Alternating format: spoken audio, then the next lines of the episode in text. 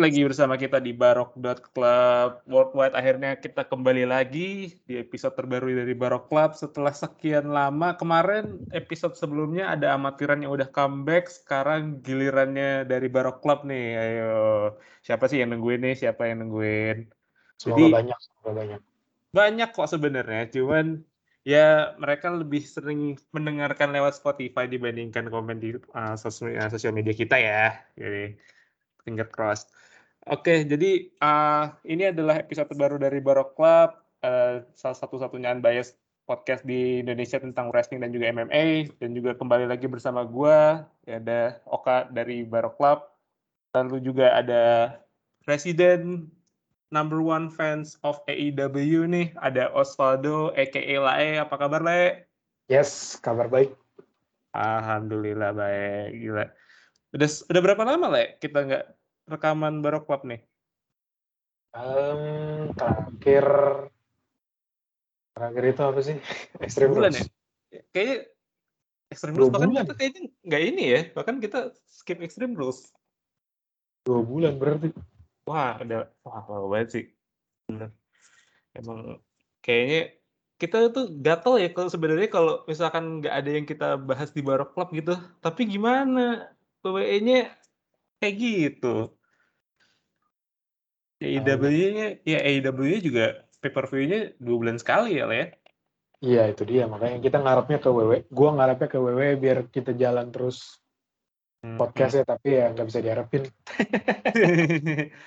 ya eh, story aja susah diharapin apalagi apa yang mau kita bahas ya jadinya oke dan selain ada layak juga di sini juga ada kembali lagi bersama kita ada Kenta apa kabar Kenta Yo, what's up, what's up? Udah lama Oke. nih gue nggak ikut rekaman kan. iya udah udah malah lebih lama lu Ken lu ke mana aja kita kita kangen semua nih sama lu nih Ken Sibuk guys, sibuk, sibuk, sibuk, sibuk. oke siap deh Eh, Ngomongin Oke. apa nih emang? Oh, sebenarnya kita ng- ngomonginnya untuk episode ini sebenarnya banyak loh, karena nggak cuman satu pay per view tapi ada dua pay per view yang berjalan bers- hampir bersamaan sebenarnya. Jadi Selisih seminggu. selisih seminggu. Jadi selain ada dari WWE yaitu salah satu uh, Big Four pay per view-nya mereka yaitu Survivor Series. Lalu juga ada pay per view terbarunya dari AEW yaitu Full Gear yang di mana dua-duanya akan kita bahas untuk beberapa pertandingan yang kita anggap penting ya, kita anggap penting. Oke, Oh, ada yang penting ya. WWE ada yang penting Survivor Series emang ada yang penting gak kayaknya gue lihat kurang deh. ada ada satu ada satu lah sebenarnya cuman ya kita biar setara aja biar setara sama AEW jadi kita bahas ada tiga pertandingan dari Survivor Series dulu ya kita mulai ya. Terus dari Yoi. Survivor Series dulu. Survivor Series ini uh, berlangsung tanggal 21 November kemarin di Brooklyn New York.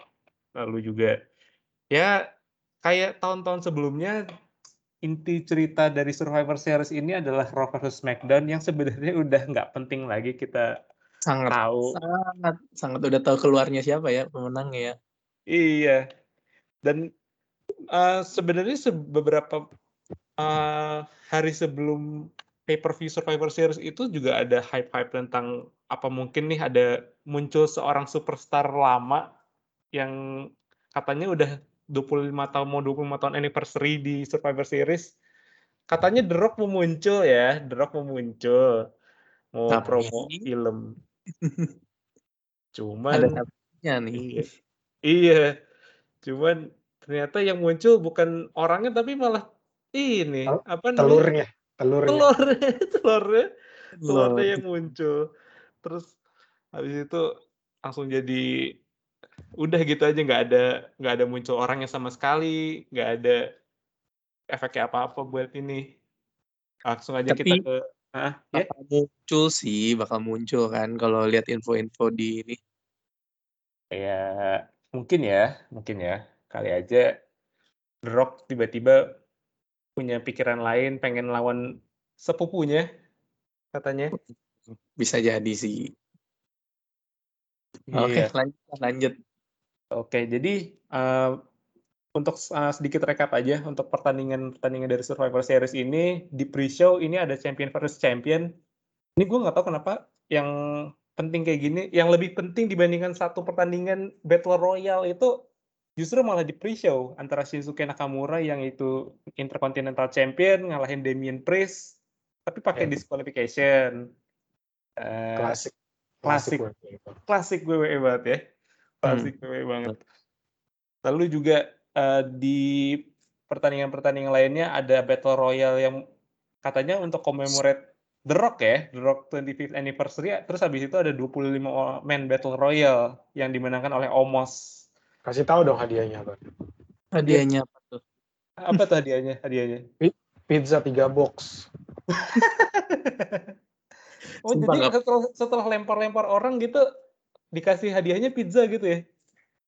Ya gue nggak ngerti juga itu pizza gunanya apa di sebelah meja komentator. Tapi pas Omos menang kan itu kayak direbutin an- antara AJ, AJ Styles sama Street Profit kan. Jadi gue beranggapan itu hadiahnya. Jadi aduh tolol banget sih Battle Royale hadiahnya pizza. Udah Aduh. fix, udah fix harusnya better apa battle royale-nya di ini aja ya, pre-show aja ya, ngapain di dalam ini. Kebalik ya sebenarnya tuh. Harusnya Harusnya Shinsuke asik harusnya sih. nggak harusnya nggak ada sekalian sih Battle Royale nggak jelas. Iya. Gue ngeliatin. AJ Styles kasihan banget sih di Battle Royale Ais, itu. sumpah sumpah. Jelas Tuh. su. Gue udah pengen ngeluarin kata-kata mutiara tapi nggak usah. Eh, Tunggu setelah ini kita recap semua ya. Setelah Survivor Iya. Series baru lo mau keluar kata-kata mutiaranya. Lalu selain ada Battle Royale juga ada champion versus champion untuk tag teamnya ya. Lalu antara Iya. RK Bro yang ngalahin The Usos. eh, Oke match lah. Decent. Lalu juga ada traditional 5 on 5 uh, Survivor Series match antara tim Raw lawan tim SmackDown. Untuk yang cowok ini ada Seth Rollins, Finn Balor, Kevin Owens, Austin Theory dan Bobby Lashley yang represent tim Raw, lalu juga ada tim SmackDown yang direpresent sama Drew McIntyre, Jeff Hardy, King Woods, Happy Corbin, gue nggak tahu kenapa namanya jadi Happy Corbin. Eh, Menang judi. dan- menang karena menang judi doang. Dan juga Sheamus yang hasilnya adalah Seth Rollins muncul sebagai sole survivor dari pertandingan ini. Eh, komen dikit, Le. Menurut lo ada impact-nya nggak sih pertandingan ini sebenarnya untuk Seth Rollins ataupun yang lain? Untuk ya gue kan gue akuin nonton Smackdown menuju Sur- Survivor Series Raw Smackdown lah jarang tapi ya ngelihat potongan di Twitter kok nggak ada invasion sama sekali gitu kan. Iya. antar, antar Raw sama Smackdown ini jadi gue bingung apa yang apa yang diributin lah istilahnya gitu. Kalau misalnya ujuk-ujuk eh, cuman ngadu brand kayaknya udah standar banget. Meskipun pakai invasion aja udah standar. Terus eh, pergantian rosternya juga roster 5 lawan 5 nya juga beberapa ada yang di sosial media itu udah lucu banget sih. Iya, itu di announce dulu kan di sosial media, terus habis itu tiba-tiba Iya. ada ganti beberapa kali gitu kan. siapa ya? Lupa gue itu yang di announce nggak apa dicabut dari rosternya Smackdown kalau nggak salah kalau Ah, dari per Sami Zayn ya kalau nggak salah, Sami Zayn bukan sih? kayaknya Sami ya, iya Sami Zayn dicabut dari roster SmackDown. Iya lah. Eh, terus pertandingannya yang menarik cuman Kevin Owens sih yang dia bikin skor 0-1 duluan buat tim SmackDown. Dia langsung ini kan cabut eh, count Hmm. out, count out to 10. Ya semakin mengencangkan rumor kalau dia awal tahun kan habis kontrak. Oh. siapa- Ah. Siapa tahu cak, siapa tahu nggak perpanjang. Nggak, gue cuma mentok sampai situ aja. Ya Terus ke mana? gua- itu itu ntar aja lah kalau kalau udah cabut beneran kalau kalau kalau masih sekarang kan masih haknya apa masih milik WWE WWE. masih di bawah di bawah kontrak WWE nggak usah andai-andai kita berandai-andai aja dia cabut atau bertahan dengan anggaplah ini storyline ya karena nggak mungkin kan dia tiba-tiba uh, main apa main ngelawan aja sama rencana misalnya rencananya dia tanding tapi tiba-tiba dicabut kayak nggak mungkin banget sih Ya, kalau cabut paling ke NJPW lah. Oh. gue lagi lagi mengurangi bahas-bahas spekulasi spekulasi ah fuck lah gue lupa bahasanya Spekulasi ya, spekulasi. Spekulasi. ya itulah untuk yang man survivor apa sih istilahnya five versus five ya, man sur- ya Survivor Series lah, Survivor Series match. Ya, itulah. gitu. Series match. Sama ya juga ada yang cewek juga ya, yang ada yang cewek juga, yang kayaknya emang satu-satunya purpose dari matchnya yang cewek itu buat bikin Bianca Belair kelihatan kuat ya. Iya, bener sih. Iya, karena di tiga eh, eliminasi terakhir ini Bianca Belair ngesapu bersih tiga-tiganya loh, tiga-tiganya dari SmackDown. Langsung dihabisin semua sama Bianca Belair. Jadi ya mau dibikin jijik lagi lah mungkin setelah ini ya, setelah 30 ber- sekian detik kalah sama Becky Lynch di SummerSlam kemarin. ya mau tebus dosa lah after they uh, after Vince did her wrong banget gitu pas WrestleMania nggak jelas Hmm. gitu Padahal, padahal ini ya, roster wise eh, tim SmackDown lebih bagus ya. Iya, kalau kelihatannya emang kelihatannya lebih bagus dari SmackDown ya. Dari Tapi ya SmackDown biasalah, terlalu dianaktirikan. ya kan biasa. J- jangankan Survivor Series yang ala, apa yang ala ala kayak gini yang dua tahun lalu. Dua tahun lalu ya pokoknya kan NXT sempat tuh rosternya bagus storyline-nya NXT bagus. Nah, Itu NXT mana kan waktu itu? kalah kalah telak NXT secara keseluruhan kalah NXT Nah, sama uh, terus kalau SmackDown yang bagus gue lupa tahun berapa ya Eh, oh awal-awal awal-awal ada Dean Ambrose AJ Styles eh, Bray Ya. Wyatt Orton. Orton sama Shane McMahon ini Shane McMahon dong yang nggak jelas intinya kalau secara roster secara storyline SmackDown menang lah ya atau Nah. secara overall di game 2K SmackDown menang tapi ya dibikin kalah ya nah udah makanya gue ngeliat Survivor Series kok Raw mulu yang menang tapi ya sudah lah Oke oke. Oke kita mungkin ya nggak akan terlalu bahas untuk yang five on five-nya ya. Mungkin yang kita bahas ini dua champion versus champion lainnya yang single match yang pertandingan pertama sama pertandingan terakhir dari Survivor Series. Ada yang pertama ada Charlotte Flair ngelawan Becky Lynch yang sama-sama women's champion dan Becky Lynch ngalahin Charlotte Flair lewat um, katanya most the most dev- devastating moves di wrestling history yaitu roll up. Gitu ya. enggak enggak enggak roll up itu Ini ya apa namanya? Al- ultimate malah udah roll up terus megang tali Iya. Iya ya, yang megang tali itu ya berarti. Iya. Oke, dan sempat juga ada isu-isu kalau kayak rival apa rivalitasnya Becky Lynch sama Charlotte Flair ini kayak merembes ke dunia nyata loh. Gimana katanya ada yang bilang emang Charlotte Flair lagi sensi banget sama Becky Lynch. Menurut lu gimana Ken? Apa ini sensinya itu beneran atau kayak ini emang settingannya mereka pengen bikin kayak sesuatu yang real dari pertandingan ini? Settingan lah ini mah. Settingan ya. Jarang-jarang, jarang-jarang nyampe keluar. Kalau emang itu banget sih kalau gue lihat ya dari WWE mah.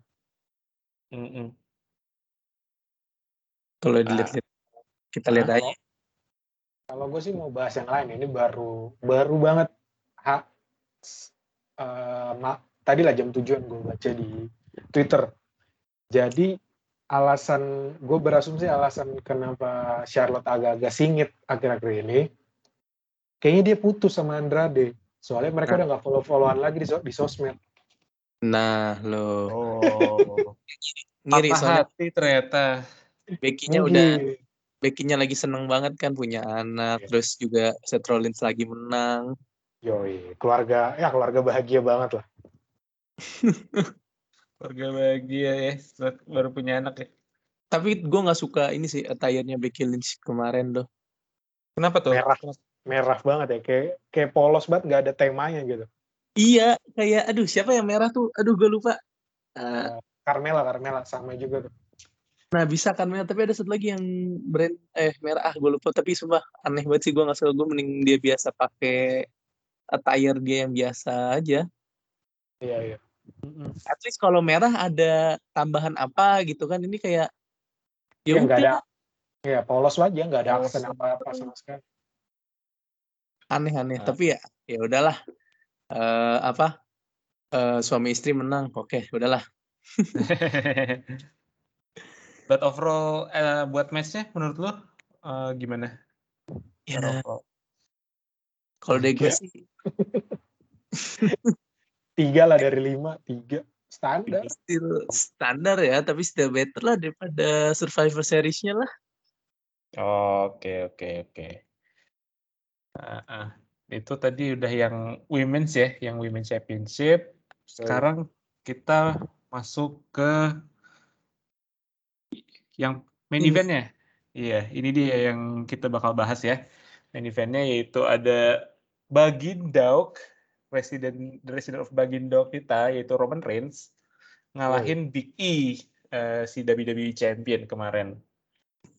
Eh sing review review le gimana le menurut lo pertandingannya antara Reigns lawan Big E? Eh, yang gue soratin adalah pertama nggak ada ada usos di situ. Eh, kedua, entah kenapa ya sejak eh, Big E juara tuh gue nggak dapet feeling yang apa ya gue nggak nganggap dia champion material aja. Jadi pertandingan kemarin tuh gue ngeliat kayak pertandingan mingguan biasa. Hmm. Eh, bahas itu le Eh, menurut lo Big E sebagai WWE Champion ini eh, lebih bagus daripada Bobby Lashley ataupun Drew McIntyre nggak? Nggak, nggak ada sama sekali yang spesial dari dia semenjak dia cash in. Oh Hmm. gitu, oke. Bahkan dari Bobby Leslie juga nggak? Bobby Leslie, Oh, Bobby Leslie mah the best. oh oke. Di Kalau- kalau-. Eh kalau diurutin Bobby, Drew. Bobby Hmm. masih the best, hard business itu the best banget. Ya, Nggak- sayangnya. Ya, ikut tapi ditanya. tapi sempat ini kan sempat disatuin kan beberapa saat lalu. Ya udah udah nggak udah udah nggak works, udah nggak jelas karena ngapain why di why Vince did that on the first place, ngapain dipecah duluan. Hmm. Tambah di dibikin reunian tapi Bobby-nya lepas gelar kan ya nggak nggak ini aja, nggak works jadinya. Kalau soal Big E itu gue gue nonton pertandingannya ya Big E, eh, Big E wrestler yang bagus. Pertandingannya untuk se- segi gulatnya seru tapi nggak menjual. Ya kita lihat aja dari semenjak dia juara sampai sekarang apa yang spesial gitu di Raw nggak ada. Orang Hmm. ngeliat Raw, orang ngeliat Raw ini Randy Orton sama Matt Riddle. Iya bener lebih asik dilihat. Lebih Ah. arke bro ya yang di Oke bro, orang ngeliat Raw sekarang Seth Rollins, eh, Finn Balor, kan jadi kayak ya ya buat apa gitu? Gue gue ngerasa Big E bahkan gak nyampe WrestleMania ini mah. Hmm. Hmm. Bisa jadi sih, bener bener. Nggak sampai WrestleMania, Le. Berarti kira-kira kontender selanjutnya siapa nih? Kontender selanjutnya. Baru yang gue sebut tadi Finn Balor. Finn Balor. Oke. Finn Balor as the next WWE champion ya berarti. Ba- banyak lah Raw isinya Finn Balor, Seth Rollins, eh AJ Styles bisa karena Omos udah menangin Battle Royale kayaknya dia bakal di-push sendirian karena kemarin juga Omos dia eliminate AJ Styles juga kan mungkin bakal jadi angle juga Eh, Hmm. terus siapa lagi ya Bobby Bobby Leslie mungkin tapi ya paling paling mungkin paling mungkin ya Seth Rollins sih karena dia yang menangin itu kan dia yang carry tim Raw kemarin Ah, bisa jadi Oh. tuh.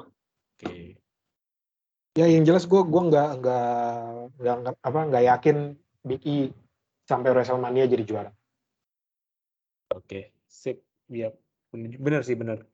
Kalau gue sih menurut gue satu aja sih yang perlu satu lagi yang perlu diubah dari Big E itu ubah attire-nya sih, ubah kostumnya. iya betul Gak, gue gak ngerasa kayak ngelihat Big E pakai kostum kayak gitu tuh yang di kepala gue tuh selalu New Day, New Day, New Day, terus kayak Iya. nggak nggak intimidating gitu loh, nggak nggak serem, kayak terlalu terang banget gitu loh. bukan Iya. bentuknya ya bukan bukan bentuk attire ya karena Kurt Angle work pakai attire kayak gitu kan Ya gue mendingan dia balik ke attire dia pas masih sama AJ Lee sama Dolph Ziggler yang hitam hitam ada aksen hijaunya gitu. Kalau yang kayak gini terlalu ngejreng soalnya nggak nggak bikin orang takut. yang kayak Hmm. intimidating Iya. Oke. Jadi eh langsung untuk Survivor Series berapa dari 10 deh? Berapa dari 10 untuk eh Ini sih. Penilaiannya, Ken. Nggak, gue pertama ini dulu. Oh, kalau nilai ya gue kasih 7 lah ya. Tapi gak kenapa ya gue tuh kayak kalau Survivor Series gue udah merasa bosan dengan SmackDown Raw. Pingin coba balik lagi ke dulu tim-timan kayak gitu kayaknya asik deh. Iya betul. Lebih Iya, lebih apa? Lebih personal gitu kan. Iya lebih personal. Terakhir tuh kapan ya? Terakhir tuh John tahun Cena lawan Au- Autorit au- apa? Authority, Author- authority. Iya, iya. John Cena Authority. ya? Oh iya Iya, benar. 2015 kan itu kan yang turnamen yang pas Rollins cedera kan. Yang Iya. pas yang kayaknya juga sempat ada Survivor Series match juga yang belum brand extension itu deh. Jadi mungkin 2015 ada sebenarnya yang paling terakhir. Cuman 2014 Terakhir yang itu ini 15 aneh. ada Usos, Lucha Dragons lawan Barrett, Sheamus, New Day. Terakhir itu sih. Iya. Ada tim ini nggak tahu ya tim Raw tim itu kayaknya enggak deh. Ya belum tim Raw, tim SmackDown soalnya itu. Belum ya benar. Hmm. Tapi ya itu emang lebih asik kayaknya kalau balik lagi ke tim-timan itu kayaknya asik tahun depan nih siapa lawan siapa kayaknya asik sih.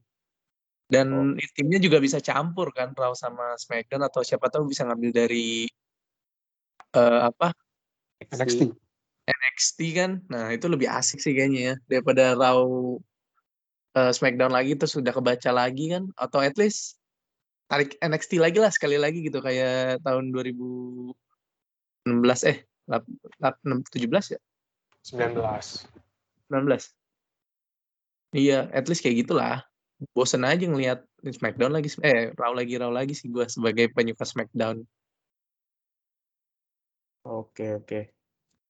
Kalau lu Le, berapa sat- 1 sampai 10 untuk Survivor Series? 6 lah. 6 ya. Forgettable banget gitu. Kalau kalau kita lewat seminggu ngebahas Survivor Series sudah ini Survivor Series kan minggu ke- Senin kemarin kan. Iya. Ah, itu berarti masih dua hari, masih masih bisa lah ada yang diingat. Tapi kalau udah bahasnya weekend atau ming- Senin depan gitu, nggak ya harus nonton lagi gue. Udah nggak inget timnya siapa aja ya. Iya. kayak ah udahlah untung masih oke Big E Roman masih nutup lah buat itu kalau enggak mah bisa angka 5 tuh menurut gue kalau Big E Roman jelek Satu-satunya angle yang bagus adalah Charlotte lawan Becky, tapi pertandingannya gitu itu doang. iya sih bener oke Oke. 6 6. Itu uh, review kita tentang Survivor Series ya. Ternyata emang nggak emang udah menurun jauh kualitasnya untuk, uh, untuk Survivor Series. Kayaknya mereka lebih fokus sama Crown Jewel ataupun apa pun show-nya yang ada di Saudi dibandingkan lebih- sama Big Four ya. lebih banyak dapat duit ya ya, ya ketika Crown Jewel dapat Brock Lesnar Survivor Series enggak ya udah Big Four-nya ganti sekarang Survivor Series udah pay per view yang random jadinya. Iya sih sekarang tuh kehitungnya berarti pay per view topnya tuh aja ya berarti? Eh, udah pasti kan ini ya eh WrestleMania, WrestleMania kan. Royal terus- Royal Rumble ya? Royal Iya. Rumble sama SummerSlam. Tuh. SummerSlam. bukannya sekarang- top 5-nya itu sama ini ya? Money in the Bank sama Survivor Series ya harusnya? Ya Money in the Bank eh, ya karena kemarin kan emang pertama kali live attendance ya. Jadi mungkin eh, rada di hype untuk tahun ini. Cuman untuk ukuran Big Four pay per view masih tetap eh, WrestleMania, Royal Rumble, SummerSlam sama ini sama Survivor Series yang akhirnya kayaknya nih Survivor Series bakal diganti sama apa pun Saudi show-nya dari WWE deh. hmm bener sih make sense make sense Oke, ya. Ah, daripada bahas WWE kayaknya mulai gloomy-gloomy gimana gitu, kita langsung ke yang mainnya aja lah, yang emang kita pengen bahas sebenarnya. Kita ke full gear deh, kita ke full gear ke AEW. Ini Asik. dia nih. nah Saya ini sudah menunggu-nunggu. langsung apa Langsung aja ya. Baik. jadi full gear ini em, udah dua mingguan nih kayaknya, udah hampir dua mingguan. Mereka eh, eventnya tanggal 13 November di Minneapolis, Minnesota. Dan headline-nya itu ada tiga pertandingan yang jadi pembicaraan lah, pembicaraan dari netizen. Mungkin Soal di recap dulu pertandingan iya, mungkin pertandingannya kita recap dulu ya, eee, Yuk. untuk yang lainnya. Itu dong gue mau apa, gue mau shout out satu buat Hikaru Shida, anjing cakep banget. Oh, oke. Wah, itu walaupun Itu walaupun cuma pre-show, ah gila. iya, kesayangan saya itu. Eh, Waduh, dari gila. awal dari awal gue udah tahu, wah udah ini mah, dari awal dia masuk AEW, wah ini udah jadi inilah queen-nya lah. Cakep Iya. banget. Pengen lihat Hikaru Shida mungkin jadi contender lagi buat Women's Championship kali ya? Ah, itu sih Sabar, bener. sabar. Sabar, Sabar. itu sabar. Oh, Bisa bisa. Oke. iya. Oke, kita, eee, recap dulu untuk pertandingannya selain tadi ada pre-show dari law sama Thunder Rosa ngalahin Jamie Hayter lawan samannya Nyla Rose. Terus habis itu Ya. ada Gue tag rate team jangan lupa. Oh ya, ada Vicky Guerrero juga. Gue sampai lupa kadang Vicky Guerrero ada di AEW loh sebenarnya. Bener, makanya gue juga, oh iya ya ada Vicky ya. Iya. Terus untuk match lain selanjutnya ada Lucha Brothers yang mengalahkan FTR untuk AEW World, Champ World Tag Team Championship. Nah, Lucha Brothers itu ada Penta El Zero Miedo sama Rey Phoenix ngalahin Yup, FTR itu Jax Hartwood dan juga Cash Wheeler dengan Tully Blanchard di samping ring melalui pinfall. Lalu juga ada uh, False Count Anywhere match antara Christian Cage sama Jurassic Express ngalahin Super Click. Agak kaget juga ya, karena kirain Super Click bakal dikasih menang, ternyata Christian Cage sama Jurassic Express yang dikasih menang nih untuk False Count Anywhere. Tapi Lalu, hmm, ya, apa? eh, kalau untuk pertandingan ini lumayan gila sih, berdarah-darah suka gue. oh iya ya kemarin emang Itu kan cukup yang ya. masukin eh apa? Apa sih namanya tuh? Yang kayak peniti apa sih? Ya Tamtex ya. Aku payung. Iya paku payung ke mulut Ya, kan? Mereka kan ya? Iya, Iya kan? Ya iya. itu itu sempat kalau sama teman-teman podcast yang di Indonesia juga itu sempat dibahas di Twitter kan gimana caranya karena agak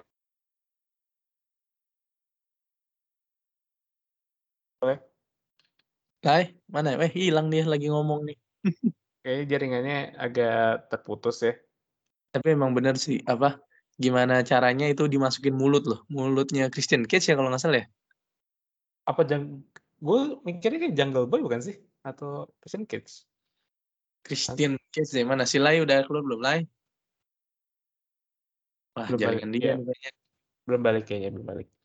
Oke, eh, recap selanjutnya lagi. Pertandingan selanjutnya ada Cody Rhodes sama Pac yang ngalahin Malakai Black dan Andrade El Idolo eh, dari tag team match. Lalu ada Dr. Britt Baker DMD. Ya harus ada DMD-nya itu. Ngalahin Tai Conti untuk AEW Women's World Championship. Lalu juga ada Inner Circle yaitu yang membernya lengkap lima-limanya Jericho, Hager, Sammy Guevara, Santana dan Ortiz ngalahin Man of the Year yaitu Ethan Page dan Scorpio Sky dan juga American Top Team yaitu ada Junior Dos Santos, Andre Arlovski dan Dan Lambert coachnya dari American Top Team yang tajuknya ini Minneapolis Street Fight gitu. Uh, Di gue Minneapolis. iya iya karena emang di Minnesota kan soalnya. Iya sih bener-bener. Tapi ya, eh, Ya. Dok, ah, udah ada tuh si Valdo tuh kayaknya. Hmm. Halo, Le. Le. Lai, mana sih Lai? Ah, oke Halo. kalau Ah, nah gimana tuh yang nah. tadi perdebatin tuh yang apa gimana caranya paku payung masuk ke mulut ya? belum belum ini sih gua nyari-nyari yang di apa ur- jurnalis wrestler ame yang di luar sana belum dapat juga sih angle-nya karena ya satu-satunya jawaban adalah si apa Jungle Boy sama Young Bucks harusnya ngomong Iya bener bener bener. Soalnya eh, apa? Yang kena Christian Cage deh atau Jungle Boy-nya ya? Jungle Boy deh dimasukin ini, dimasukin paku payung terus di. Di di di, di- ah apa sih namanya tuh? Iya. Gue lupa deh. Apa Ya, yang di seperti yang- trigger, seperti gitu. Di sama trigger gitu kan. Enggak, tapi di ini dulu di apa? Ditahan sama yang kayak itunya Miro apa? Eh, Ah, camel clutch sih ini. oh Corkina Clutch Iya, kayak Ko- Kokina Clash ya kalau nggak salah. Sama Enggak, terus kalau Kokina Kokina Class itu kayak rear naked choke. Kalau misalkan yang kayak Miro itu bukannya ini ya camel clutch gitu yang dia di punggung terus ditarik ininya lehernya gitu. Nah, iya itu maksudnya Iya itu. bukan? Tapi Iya ini kan? tapi si apa si si Jungle siapa Boy. Jungle Boy-nya eh, apa eh, tengkurap terus ditarik ke atas gitu gue lupa namanya tuh tengkurap si Adam Cole-nya nindihin terus palanya dijepit sambil ditarik ke atas nah gue lupa tuh namanya move-nya Terus Iya, di itu kick. ya, nggak rusak Di- ya. Nah di super kick sambil ada paku payung di mulutnya tuh wah gila sih Eksperimen Lumayan. mereka eksperimennya gila-gila sih. ya Iya. berasa WWE zaman dulu lah pakai paku payung dan lain-lain Ah, gue nonton WWE dari dulu nggak ada yang kayak sampai begitu. Paling cuman kena punggung doang sama kepala jidat. Terus nggak nyampe masuk mulut sih bener sih tapi oke lah ngelihat dulu WWE zaman zaman itu Nggak kan usah, ya nggak usah dimasukin ke mulut baru dihajar ya. Apa kayak pas eh, all out kemarin yang yang Bucks naruh paku payung di sepatu terus super kick aja nggak ada di WWE kayak gitu. Iya sih benar sih benar. Di WWE cuma ya berdarah darahnya cuma taruh paku payung terus dilempar punggungnya ke paku payung kan biasanya. Iya. Iya, benar. Oke oke tapi ya mantep sih mantep ya intinya kalau yang ini Jungle Boy sama Christian Cage lawan Super Click. Lanjut lanjut lanjut. Lanjut. Tadi kita juga uh, bahas tipis-tipis tentang Minneapolis Street Fight juga yang ada Inner Circle lawan uh, Man of the Year, American Top Team juga yang agak ini ya, agak agak messy ya sebenarnya pertandingannya. Kayak parah sih, parah, parah. kayak tiga dia tiga dari American Top Team itu kayak nggak paham gitu loh sama tugas-tugasnya dia harus ngapain aja pas match itu kayak Junior Dos Santos sama Arlovski itu kayak main sendiri-sendiri dan Lambert aduh gue gue please dong jangan taruh Dan Lambert lagi ke ring oh, untuk match kayak gini Nggak Hmm. jelas juga, nggak jelas. Gue pikir tadinya oke lah dua dari American Top Team sama Ethan Page sama Scorpion Sky. Baru Hmm. em, apa Inner Circle ya? Iya, Inner Circle. 4 lawan 4 ternyata 5 lawan 5 gue pikir tadi 5 lawan 5 sama Jorge Masvidal. Nah. Ternyata tidak juga. Jadi ya wadaw lah. Untungnya itu pertandingan memang sengaja sih ditaruh sebelum main event. Kayaknya buat penonton ini ke kamar kecil beli hotdog beli apa gitu. Oh pemanasan dulu. Iya. Panasan dulu bener-bener. Masuk akal, make sense sih. Hmm. Karena emang main eventnya mantap sih menurut gue sih. Iya, karena uh, main event-nya juga kemarin dapat review yang bagus banget dari ya selain netizen juga pasti sama uh, Dave Meltzer karena ada anak kesayangannya di main event yang akan kita bahas setelahnya. Oh ya, kita kelupaan lagi. Ada si Empang yang ngalahin Eddie Kingston uh, pinfall di singles match yang sempat beberapa kali mereka promo war ya, promo war. Promo nah ini ya memang ya kalau orang jago promo gitu ya. Awalnya kan nggak jelas ya. Eh pokoknya tiba-tiba aja eh Eddie gue inget si Empang lagi lagi promo terus Eddie Kingston datang interupsi dia baru akhirnya minggu depannya berkepanjangan Eddie Kingston call out si Empang akhirnya mereka adu bacot di ring. Tapi ya gitu penonton suka. Bahkan gimana ya kaget aja kok si Empang sama Eddie Kingston? Padahal trennya kan ketemu yang muda-muda terus nih kayak nge-carry yang muda-muda biar kelihatan makin kelihatan sama wrestling fans yang lain. Yang tahu AEW mungkin cuma tahu John Moxley, Dean Ambrose, Chris Jericho. Baru si Empang masuk dia adepin lah. Si Empang udah ketemu dari Allin, Powerhouse Hobbs. Terus eh, siapa lagi ya? kayak baru dulu itu deh yang anak mudanya. Tiba-tiba ketemu Eddie Kingston yang udah lumayan senior juga umurnya. Jadi ya agak-agak merefresh sedikit. Dan ternyata kalau dikulik-kulik di sosmednya wrestling fans nih banyak juga yang pengen ke Eddie Kingston ketemu CM Punk karena mereka beranggapan kalau kita nggak bisa ngelihat Stone Cold lawan CM Punk adu promo, Eddie Kingston lawan CM Punk itu udah udah mendingan. Iya, setuju, bener. Eddie Kingston tuh Eddie Kingston tuh kan badannya kayak Mick Foley, bacotannya kayak Stone Cold. Iya, wah benar benar benar. Oh, oh, iya, iya, iya sih. Keli- Ada ada nuansa-nuansa Stone Cold-nya dikit lah ya. Ya gua gua nggak bilang Stone Cold sama kayak Eddie Kingston, tapi kalau ngikutin AEW, gua kan baru nonton Eddie Kingston melek sama Eddie Kingston pas dia feud sama Moxley kan. Iya. Ternyata nih orang keren juga nih promonya. Ya jadi ya ya bisa dianggap setara lah. Bisa dianggap mirip-mirip lah. Jadi agak agak terpuaskan nonton. Ya tuh promo yang gak jelas tiba-tiba di, di pair aja gitu di satu minggu terus lanjut ke tiga minggu berikutnya sampai ke, akhirnya mereka tanding di full gear dengan pertandingan yang gue gue bilang seru juga lumayan klasik. Karena nggak ada yang tipe dua-duanya tipe brawler. Uh, pace-nya pun normal-normal aja ya, bahkan cenderung lambat di awal-awal. Yang bikin seru ya pas si Empang udah mulai agak berdarah. Itu rame tuh apakah si Empang bakal heel turn atau gimana? Gue berharap sih iya sih Oke, oke. Tapi- Ah, Not lah ya.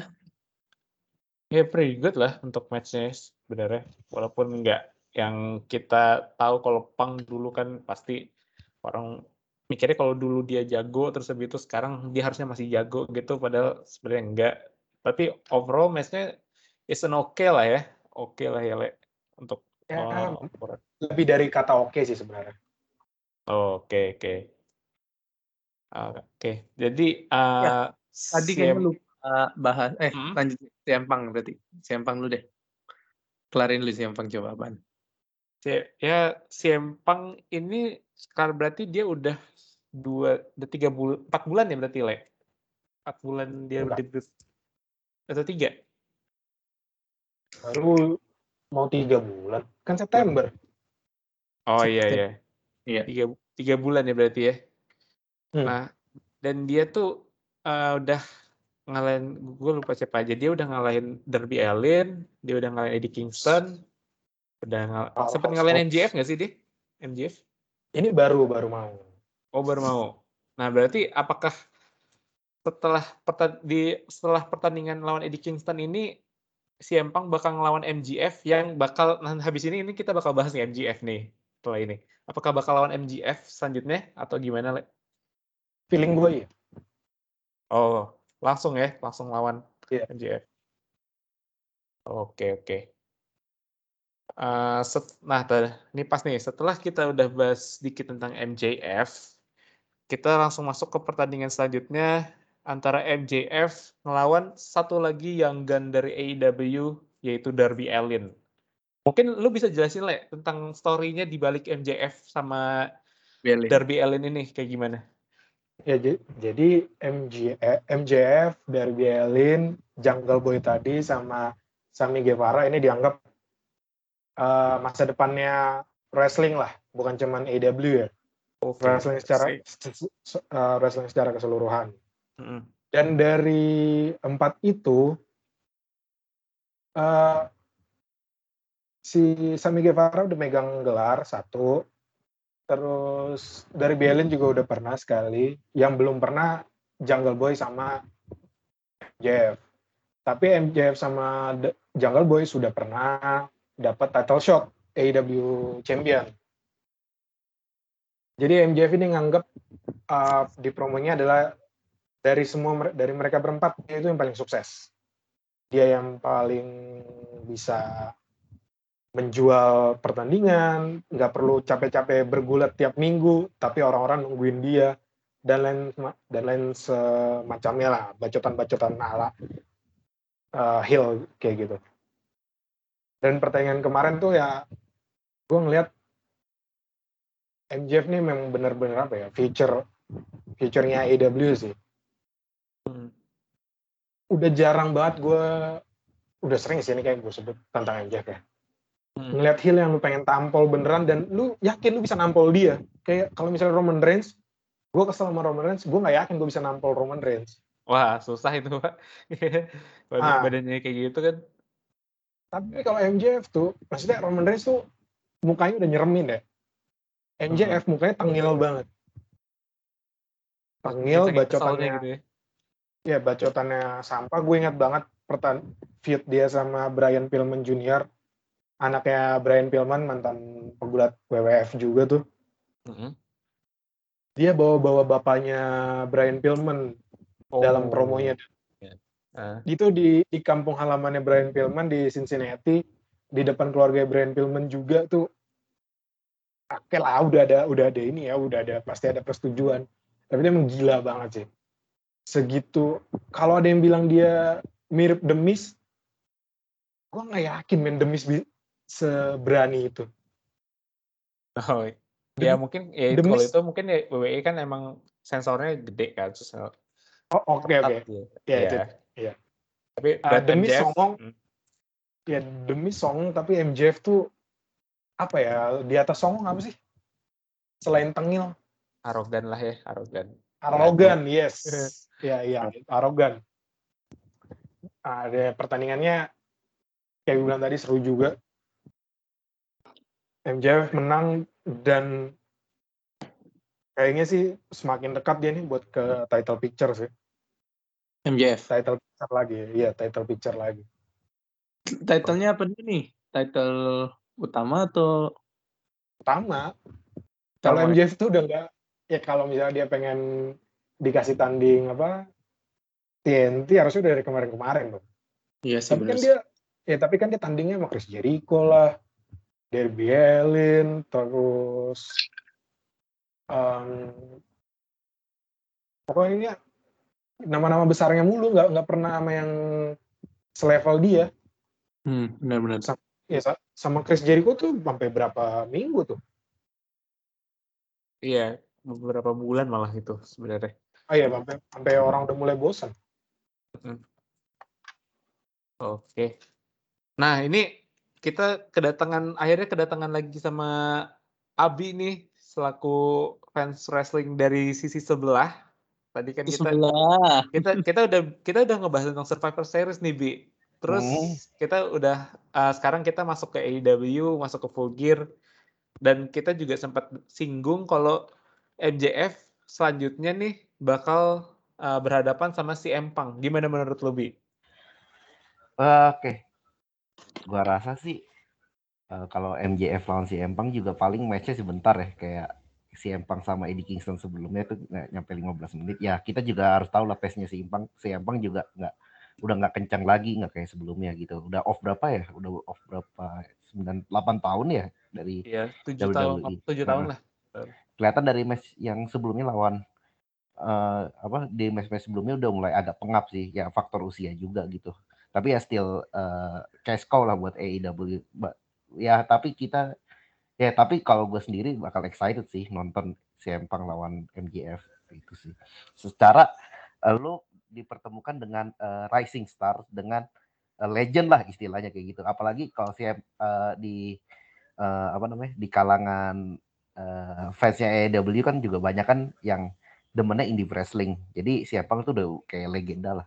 Udah setara kayak American Dragon-nya Brian Danielson. Gitu. Hmm. Oke. Setuju nggak, Le, sama dari Gimana? Abi tadi? Kalau menurut lo? setuju kalau Abi muji-muji AEW mah gue setuju terus Oh, gitu. Wow. Gak setuju kalau udah kayak ada sesuatu yang sedikit menyelekit gitu ya dari kata-katanya Abi kalau tentang AEW. Iya iya Oke, lanjut match selanjutnya apa?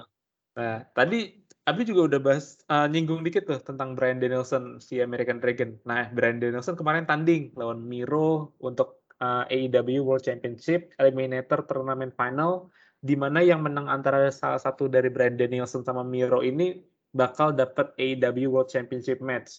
Di mana pertandingan kemarin dimenangkan oleh Brian Danielson melalui submission. Uh, gimana Le? uh, apakah ini keputusan yang tepat untuk bikin menang Brian Danielson atas Miro atau lu punya pendapat lain? Gimana ya? Gue sebelum pertandingan itu gue pengennya bahkan yakinnya Miro menang karena udah saatnya kan dia udah harusnya uh, sih juara iya harusnya dia udah juara TNT eh dia udah juara TNT lumayan mendominate trainingnya itu memorable lah.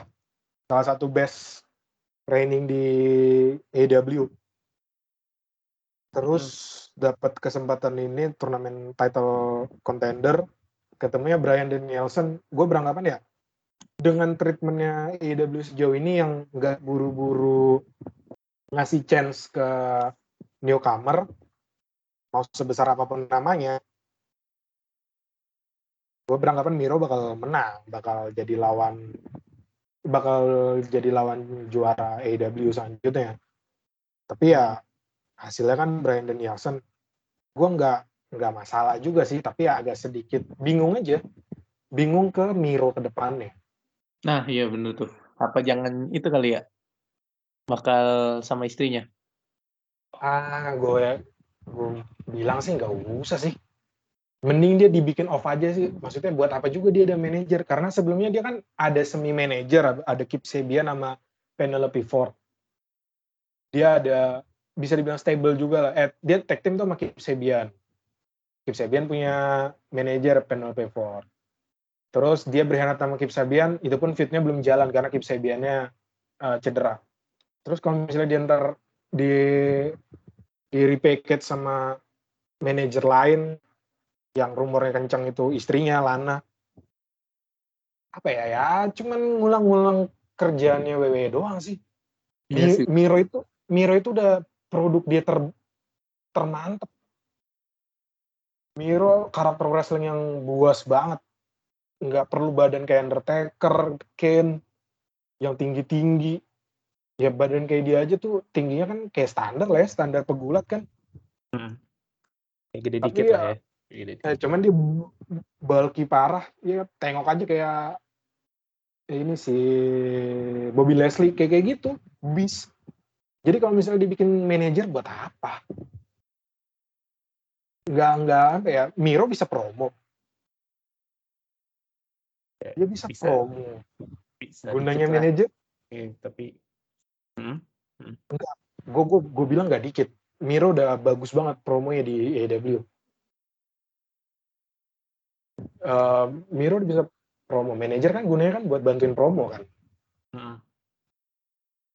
jadi ya gue menanti sih kelanjutannya Miro mau dibawa ke mana.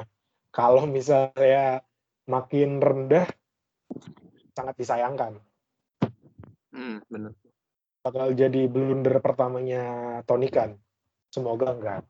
Karena udah udah udah mulai ini semi semi blunder tuh ngasih kalah sama Semi Guevara tuh udah semi semi blunder bukan kalah diruin iya. lagi ya tapi iya, bu, bukan kalah sama Semi Guevara-nya kecepatan aja waktunya. Kecepatan menurut gua ya harusnya sampai lewat tahun baru ganti ganti juara itu nggak apa-apa. Oh iya benar sih. Nah kalau buat Brian Danielson itu pertandingan dia yang paling bagus sih gue bisa lihat dia senang banget ketemu Miro yang sekarang bukan Rusev lagi gue bisa hey. lihat dia apa dia kayak memenuhi gairahnya akan wrestling di AEW since day one itu emang bener-bener apa ya dulu gue ngeliat Daniel Bryan yang cuman jenggotan yes yes yes doang gue nggak tahu jagonya di mana karena gue nggak ngikutin dia di ROH tapi semenjak di, AEW pertandingannya gue tonton terus. Itu salah satu yang terbaik. Okay, pertandingan okay. dia yang pernah gue tonton. Oke. Okay. di Brandon Nielsen ngalahin Miro it's uh, agak sedikit dipertanyakan untuk decisionnya. Cuman ya mereka punya bintang baru di Brandon Nielsen yang mereka pengen push. Dan saat ini Brandon Nielsen adalah number one contender buat AEW AEW World Champion yang dipertandingkan di main event pas Full Gear kemarin yaitu ada akhirnya Kenny Omega sebagai champion dikalahin sama mantan sahabatnya itu Hangman Adam Page uh, lewat pinfall. Wah, gila. Uh, Ken, kalau menurut lu nih Ken, pertandingannya antara Hangman Page sama Kenny Omega nih, review review lu gimana untuk pertandingan ini?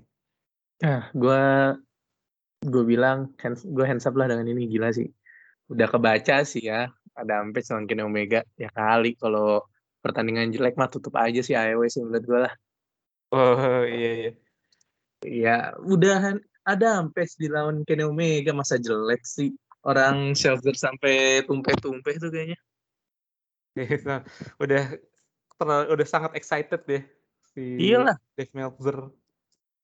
Meltzer mah udah wah udah wah nggak ngerti lagi dah gue intinya pertandingan ini gue lihat sendiri sih juga parah sih. Oke lah buat AEW ya emang apa emang udah khasnya AEW lah. Kalau lu bi uh, Hangman Adam Page ngalahin Kenny Omega menurut lu keputusan yang tepat atau menurut lu agak kecepatan atau malah justru harusnya orang lain aja gitu yang menang? Um, kalau menurut gua, kalau menurut gua nih, um, Kenny Omega terlalu awal sih menurut gua karena Kenny Omega kurang lama menurut gue. Kalau menurut kurang gua, lama. kurang lama. Ah, kurang lama. Menurut lu, menurut kalau menurut lu Kenny Omega harusnya megang sampai berapa lama? Ya, kalau nggak salah dia baru megang berapa hari? Tiga ratusan ya? Tiga, belum nyampe setahun sih inget gue. Kalau nggak salah ngitung ya. Belum, belum. Belum ya, belum nyampe. Ya Hmm, minimal setahun. ya setahun dulu sih maksudnya. Uh, tapi ya nggak masalah sih karena emang udah sebetulnya Adam Page juga udah udah saatnya udah jadi face of AEW maksudnya yang uh, istilahnya uh, homegrown-nya dia gitu. AEW kan butuh face gitu kan. Sedangkan Kenny Omega bukan uh, bukan face-nya AEW menurut gua karena ya dia udah jadi di mana-mana udah terkenal gitu kan di NJW, NJPW terus di uh, di indie wrestling lainnya kayak gitu. Jadi menurut gua uh, emang udah saatnya tapi nggak sekarang. But is oke okay lah kalau menurut gue. Kalau Adam Page jadi world champion sekarang. Bener. Ini berarti artinya kan produk homegrown-nya AEW kan, which is uh, I give a props lah ke AEW lah gitu. Even though agak terburu-buru gitu. Hmm, I see, I see. Ya, agree juga sih sama poin-poin lo.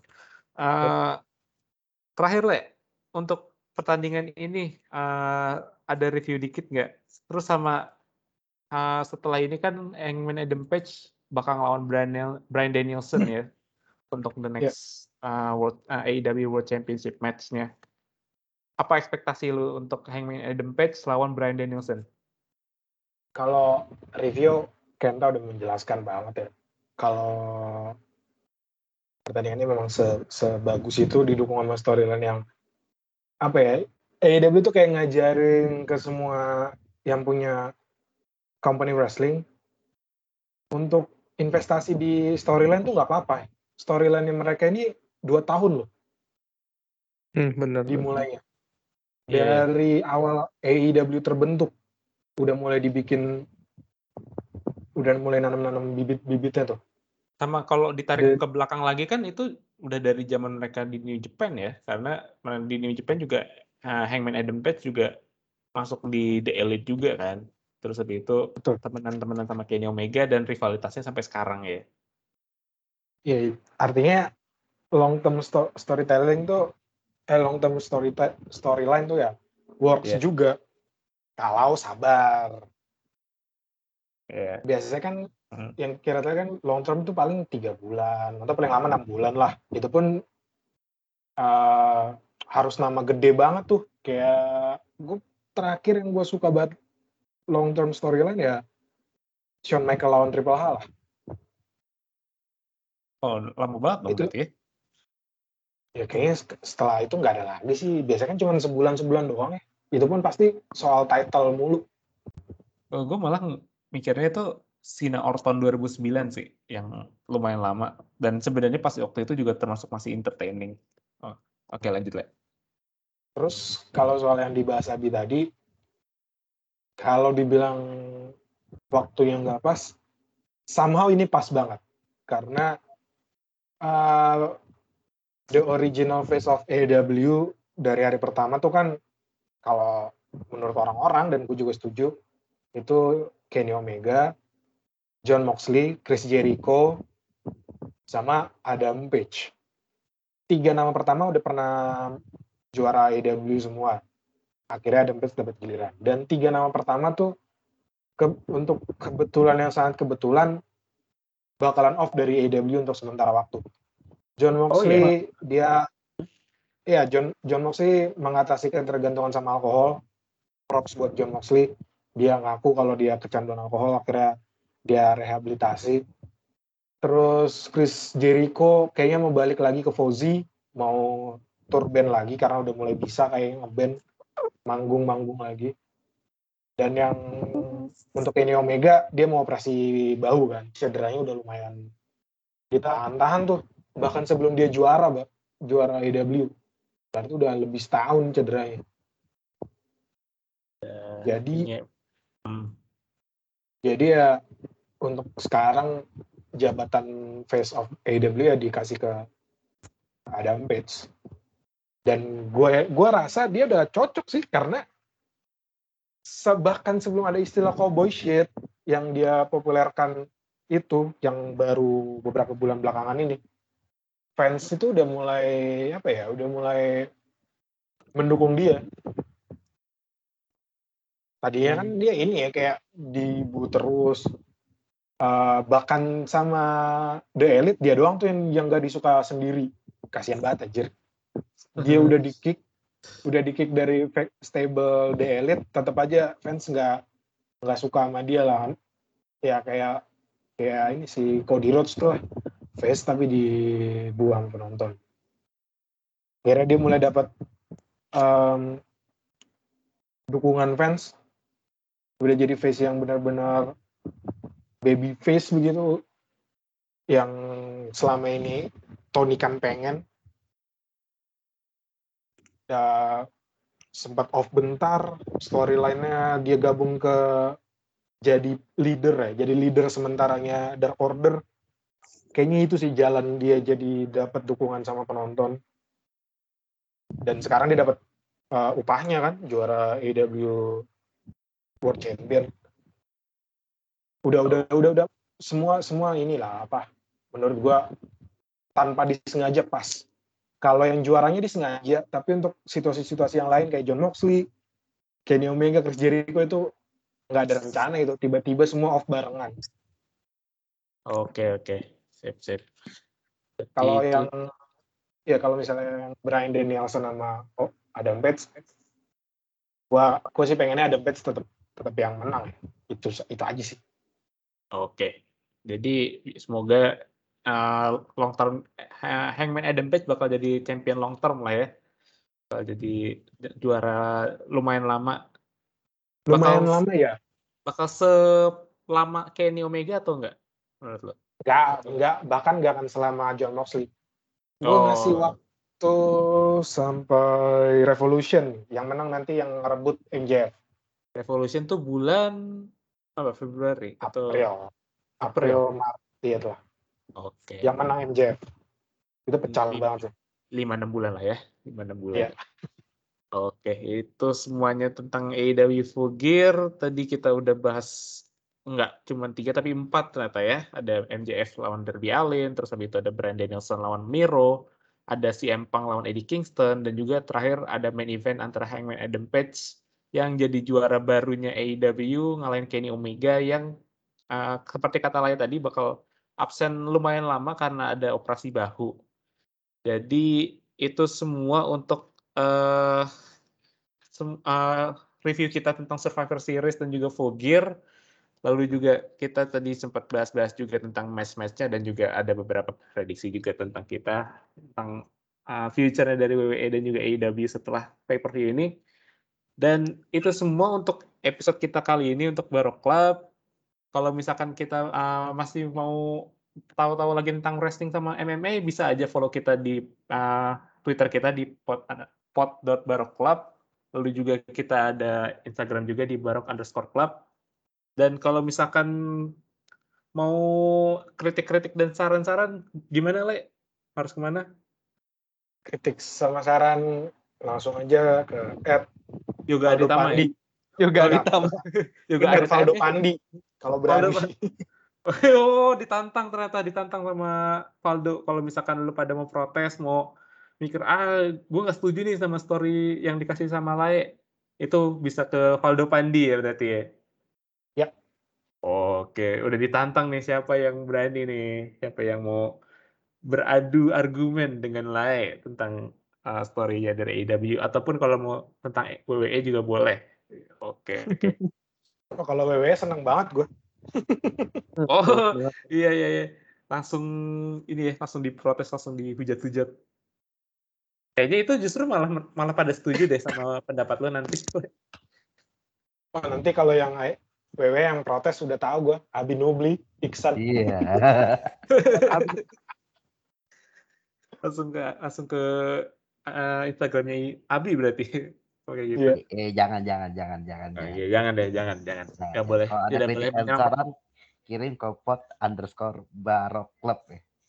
buat underscore barok. Twitter, kalau misalnya pengen hate speech ke saya terkait kalau gue bilang AEW jelek silahkan ke at mhmd barokah di IG. Eh, Nggak kamu masalah kan? kenapa, kenapa harus dibawa gue? Kenapa harus ada Instagram gue yang disebut? Oke, ya itu semua eh, untuk episode kali ini. Sampai jumpa lagi di episode Barok eh, Club selanjutnya. Sampai jumpa dan good night and goodbye. See ya. Yes, siap. Teng teng teng teng.